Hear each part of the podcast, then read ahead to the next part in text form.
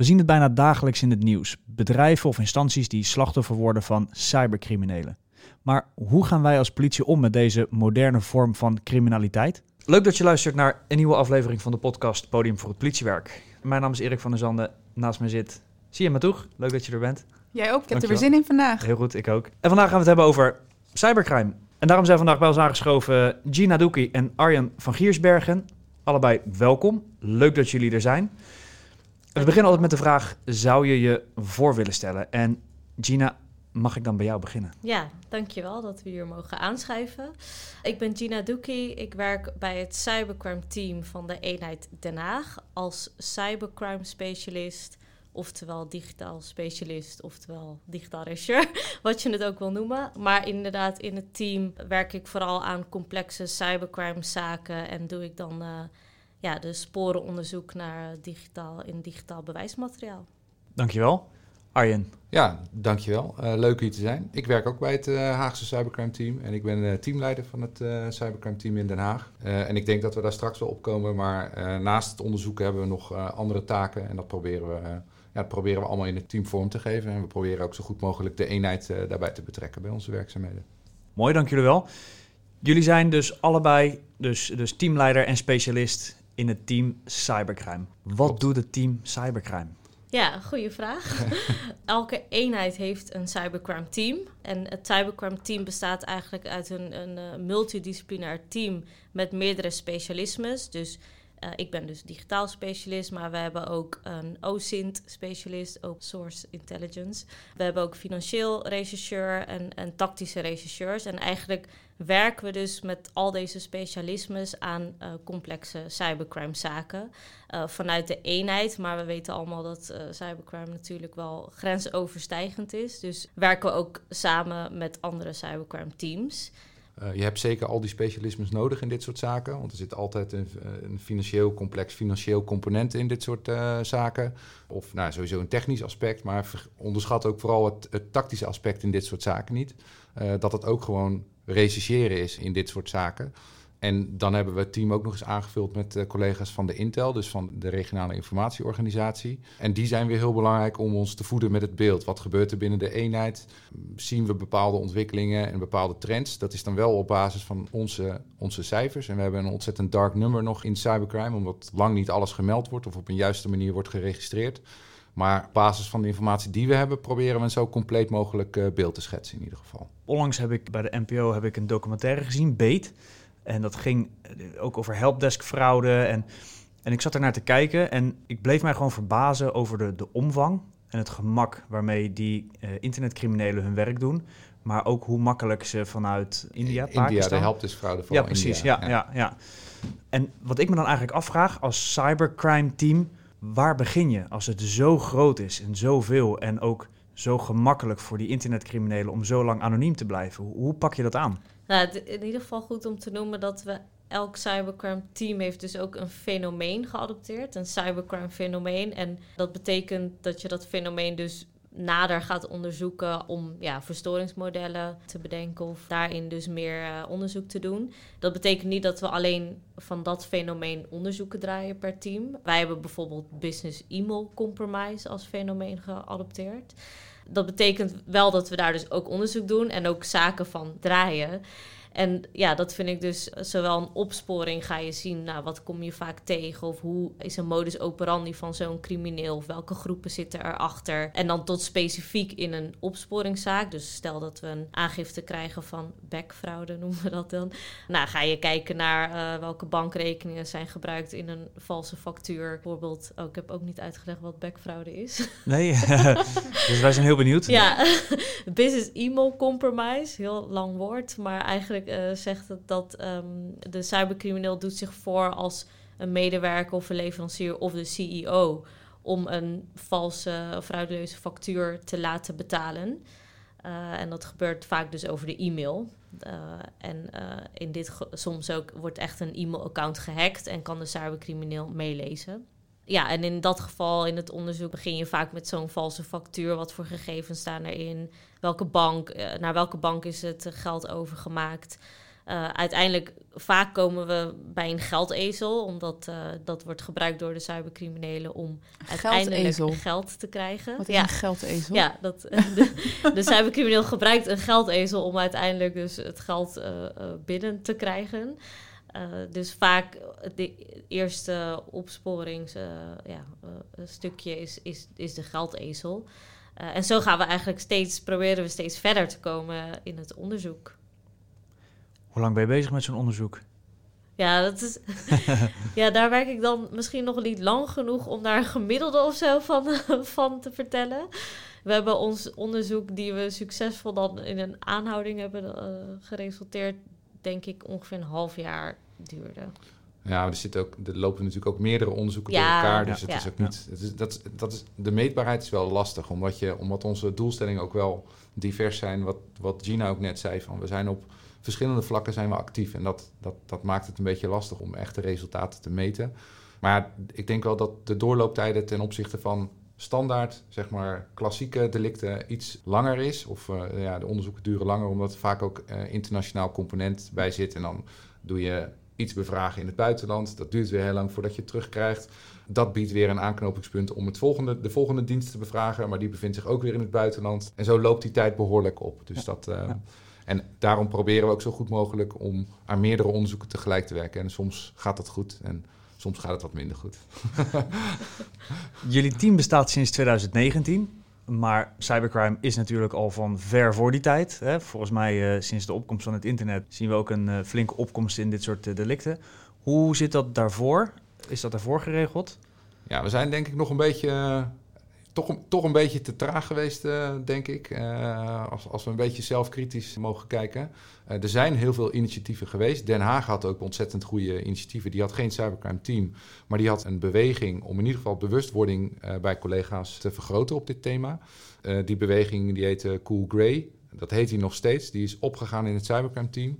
En die. Um, proberen wij nu ook uh, weer vorm te geven om juist te gaan werken aan die, aan die bewustwording met allemaal leuke en leerzame initiatieven voor de collega's op straat en de collega's in het basisteam en de wijkagenten, om zo meer aandacht te vragen voor het, uh, voor het thema. Dus dat is in ieder geval een van de punten voor de toekomst. Waar gaan jullie focussen? Zeker, ja. Dat onderdeel dat is een vast onderdeel van ons team. En dat onderdeel is ook weggeschreven in de landelijke cybercrime-strategie. Dus dat, dat past. En uh, wij hebben als uh, Eenheid Den Haag ons uh, daar ook aan gecommitteerd. En begrijp ik het goed dat cybercriminelen eigenlijk altijd wel een financieel gewin als oogmerk hebben? Ja, in de meeste gevallen van cybercrime wel. We zien heel vaak klein deel oud-medewerkers die dan wraak of iets dan ook uh, op zoek zijn. Of uh, activisme, oh ja, maar ook ja. klein, klein deel. Um, ook daarin is het, is het veld heel divers. Want ook daarin heb je ook eh, bedrijfsspionage, digitale bedrijfsspionage, ja, ja. statelijke actoren die bepaalde uh, informatie willen hebben, die gebruik maken van digitale technieken. Wij uh, zitten natuurlijk eenheid daarna, dus we hebben ook nog de politiek die hier zit. Ja, hackers die inderdaad vanwege hun activistische instelling bepaalde instanties hacken. En, en voor een financieel gewin bij een slachtoffer kan natuurlijk wel hele heftige emotionele schade ook opleveren. als iemand ja. je hele spaargeld. Het gaat over flinke bedragen, hoor ik uh, af en toe. Ja, ja. Ja, Nou ja, en, ja, en we zien dus ook nog inderdaad uh, de, de, de conflicten in de relationele sfeer. Het, het inloggen in, uh, op Facebook van, van een ex-partner, dat soort, dat soort dingen. Ja, Dat, dat, dat zijn in feite ook cybercriminele feiten. Alleen de vraag is, zijn dat, is dan het opsporen en het te lasten leggen van een cybercrimineel feit, is dat de juiste interventie? Maar ja, dat, dat is een andere vraag, denk ik. Ja, ja, ja. Is de Nederlandse wetgeving voldoende meegegaan in deze moderne criminaliteit? Nee? nee, ja. Nou ja, qua opsporingsmethodes of... Kijk, jij hebt, jij hebt het programma gezien, Beet. Ja? Je hebt gezien wat ze daar allemaal doen. Ja. Ja, dat mogen wij niet. Nee, precies. Nee, en dat is ook wel logisch natuurlijk, want je hebt gewoon privacy van burgers. Ja. En dus ja. Maar in, in sommige opzichten kunnen wij dan, dan moeten we natuurlijk aan wetgeving uh, houden. Ja. Ja. stel dat de minister luistert, hè? je weet het niet. Um, wat, zou je, wat zou je voor oproep doen aan hem uh, als het gaat om het maken van passende wetgeving om jullie als cyberdetectives beter je werk te kunnen laten doen? Ja, we, hebben volgens nu een hekbevoegdheid, maar dat wordt volgens mij door, alleen maar door één team in, eh, vanuit de politie mag dat gedaan worden, onder ook nog strenge controle met een toetsingcommissie en alles.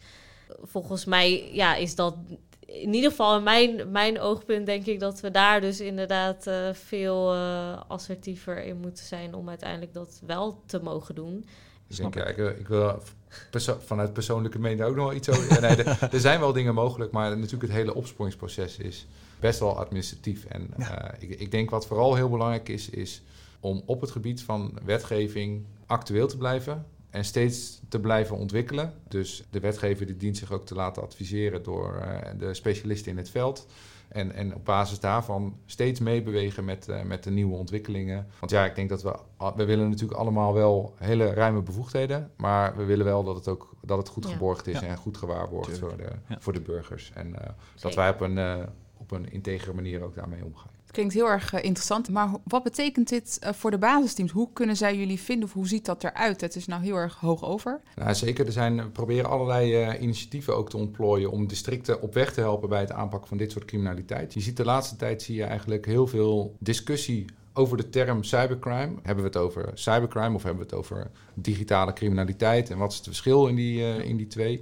Je ziet eigenlijk de laatste tijd een ontzettende uh, stijging ook in de, de digitale criminaliteitsvorm of de digitale fraudevorm. En wij denken eigenlijk dat dat nou specifiek delicten zijn waar, waar de basisteams echt iets in kunnen betekenen. En wij merken dat in de basisteams is het alleen al interessant om meer bewustwording voor dit thema te gaan creëren. En we hopen ook dat deze podcast daaraan bijdraagt.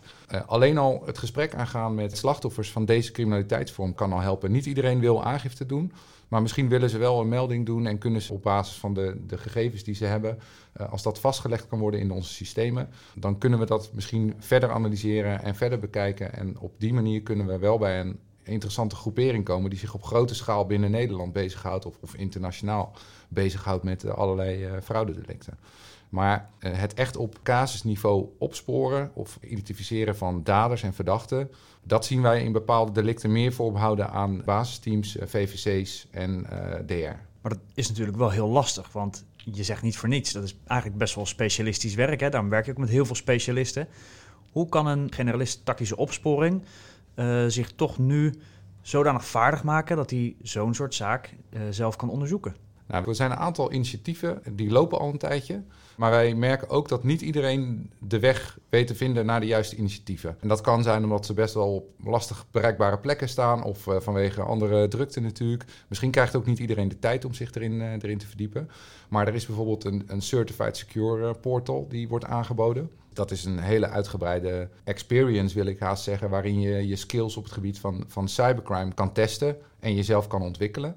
Maar wat wij nu willen proberen is ook überhaupt al uh, met, een, uh, met een structurele overlegvorm, waar we na de zomer mee willen beginnen, is om gewoon eens te kijken, dit is het aanbod van zaken die we hebben. Uh, en kijk eens wat je hieruit kan, kan pikken qua zaak en welke we belangrijk genoeg vinden om te gaan onderzoeken. Welke kansrijk is om te onderzoeken, welke sporen zitten erin. Maar dan is het ook van belang dat je dat natuurlijk op voorhand al onderkent.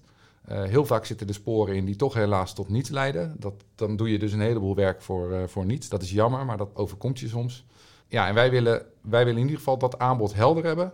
En gesprek gaan met de districten om te kijken, oké, wat hebben we? En het digitale platform op het district is ook een belangrijke speler in dit, uh, in dit verhaal. Want dat is in principe het eerste aanspreekpunt. Ja, en uiteindelijk willen we ook de oproep om, om ons dus in te schakelen of dat we kunnen ondersteunen dat ze ook de weg vinden naar ons uh, heel belangrijk. Omdat nou, we hadden laatst toevallig ook nog een zaak waarin we een, een, een district dus uh, ons opbelden met de vraag: kunnen jullie meekijken naar een onderzoek? En uh, dat was uh, een bedreiging van een beroemd persoon. en binnen een paar uur hadden we ook kunnen helpen en, en een, was de zaak ook op, opgelost, of in ieder geval een aanhouding was verricht. Dus nou, dat is een hele mooie samenwerking. Dus ja, schakel ook ons in om onze expertise. En uiteindelijk kunnen we ook van elkaar leren ja, met, ja, wat voor vraag, met wat voor vraagstukken kunnen ja. basisteams naar jullie toe? Om het even concreet te maken voor de collega's. Inderdaad, die bewustwording en uh, het, het feit dat...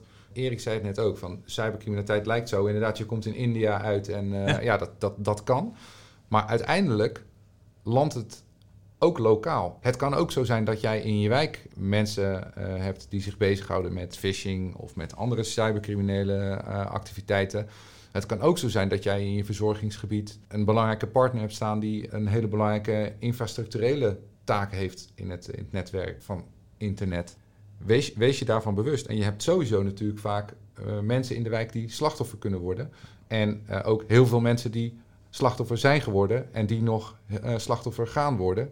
En eigenlijk is onze oproep van ja, ga, probeer dat gesprek aan te gaan met die, met die mensen. En wat ik in het begin al zei, het hoeft niet gelijk, alles hoeft niet uit te monden in een aangifte. Maar laten we in ieder geval kijken om als politie gehoor te geven aan, aan de burgers die dit soort problematiek ervaren. En dan moeten we maar even gaan kijken hoe we dat op de juiste manier allemaal gaan, gaan registreren. En daar zijn wel, zijn wel oplossingen voor inmiddels. we weten ook wel dat inderdaad veel cybercriminele jongeren zijn. En jongeren die gewoon heel goed op internet weten hoe ze nou, cybercrime, kits moeten kopen en dat uitvoeren bijvoorbeeld. Maar ook dat geldezels ook vaak jongeren zijn die geronseld worden op straat of op Snapchat, Telegram, noem het maar op om een, geld, om een pinpas dus beschikbaar te stellen en een pincode om een geldezel uh, te worden. En dat zien zij natuurlijk veel dicht. Zij, zij zijn veel dichterbij dan ons. Uh, kunnen dat misschien ook wel herkennen. Een hele ja. belangrijke is denk ik ook de, durf te onderkennen dat je niet alles weet in een, in een, in een basisteam. Ja. En uh, realiseer je ook dat je dat, dat, je dat niet gaat lukken. Ja. omdat dit thema is steeds in ontwikkeling. Er komt steeds iets nieuws bij. En de onderwerpen verschillen ook nog eens uh, heel erg van elkaar. Want als wij het gaan hebben over het hacken van, uh, van crypto-wallets, realiseer je dan dat je dus mensen met mensen in gesprek kan komen die al jaren bezig zijn in het handelen in crypto's, die van de hoed en de rand weten hoe dat, hoe dat zit. Maar probeer toch dat gesprek aan te gaan. Of, of zeg, ik, ik kom hier even niet uit, ik moet hulp inschakelen. En die hulp die is er dus, maar wij proberen ervoor te zorgen dat die kanalen in ieder geval uh, transparanter worden. Ja, ja. en ik, ik, ik, merk dus ook wel in jullie verhaal dat zeker die proactieve en, en ook wel preventieve insteek, dat die toch ook wel heel erg belangrijk is voor jullie. Uh, voor de potentiële slachtoffers, ja, zeker. Ja, ja zeker. Ja, Nee, absoluut. Ja, want we doen ook niet alleen zaken vanuit een aangifte. We doen ook dus proactief inderdaad opsporingsonderzoeken, waardoor we hopelijk ja, het, het brein achter een WhatsApp-fraude kunnen opsporen en uitschakelen, zodat je in, ja, in één keer heel veel aangiftes oplost en potentiële slachtoffers voorkomt. Dus breder kijken dan alleen individuele aangiftes. Ja, misschien is WhatsApp-fraude nog wel een leuk voorbeeld om, uh, om iets verder op in te gaan, als dat ja? de tijd voor ja, is. Zeker, tuurlijk, ja, uh, waarin je, als je natuurlijk gaat kijken naar het, het, het klassieke proces, er is een aangifte, de aangifte wordt gescreend, binnen een geografisch gebied. Ja. En dan wordt bepaald, oké, okay, uh, zien we hier wel iets in, zien we hier niet iets in. Nou, eigenlijk is dat, dat proces is landelijk opgepakt, dat is omgekeerd. En hebben we gekeken, oké, okay, wat, wat, zie je nou, wat zie je nou terug in alle aangiftes van WhatsApp-fraude vaak? Nou, dat er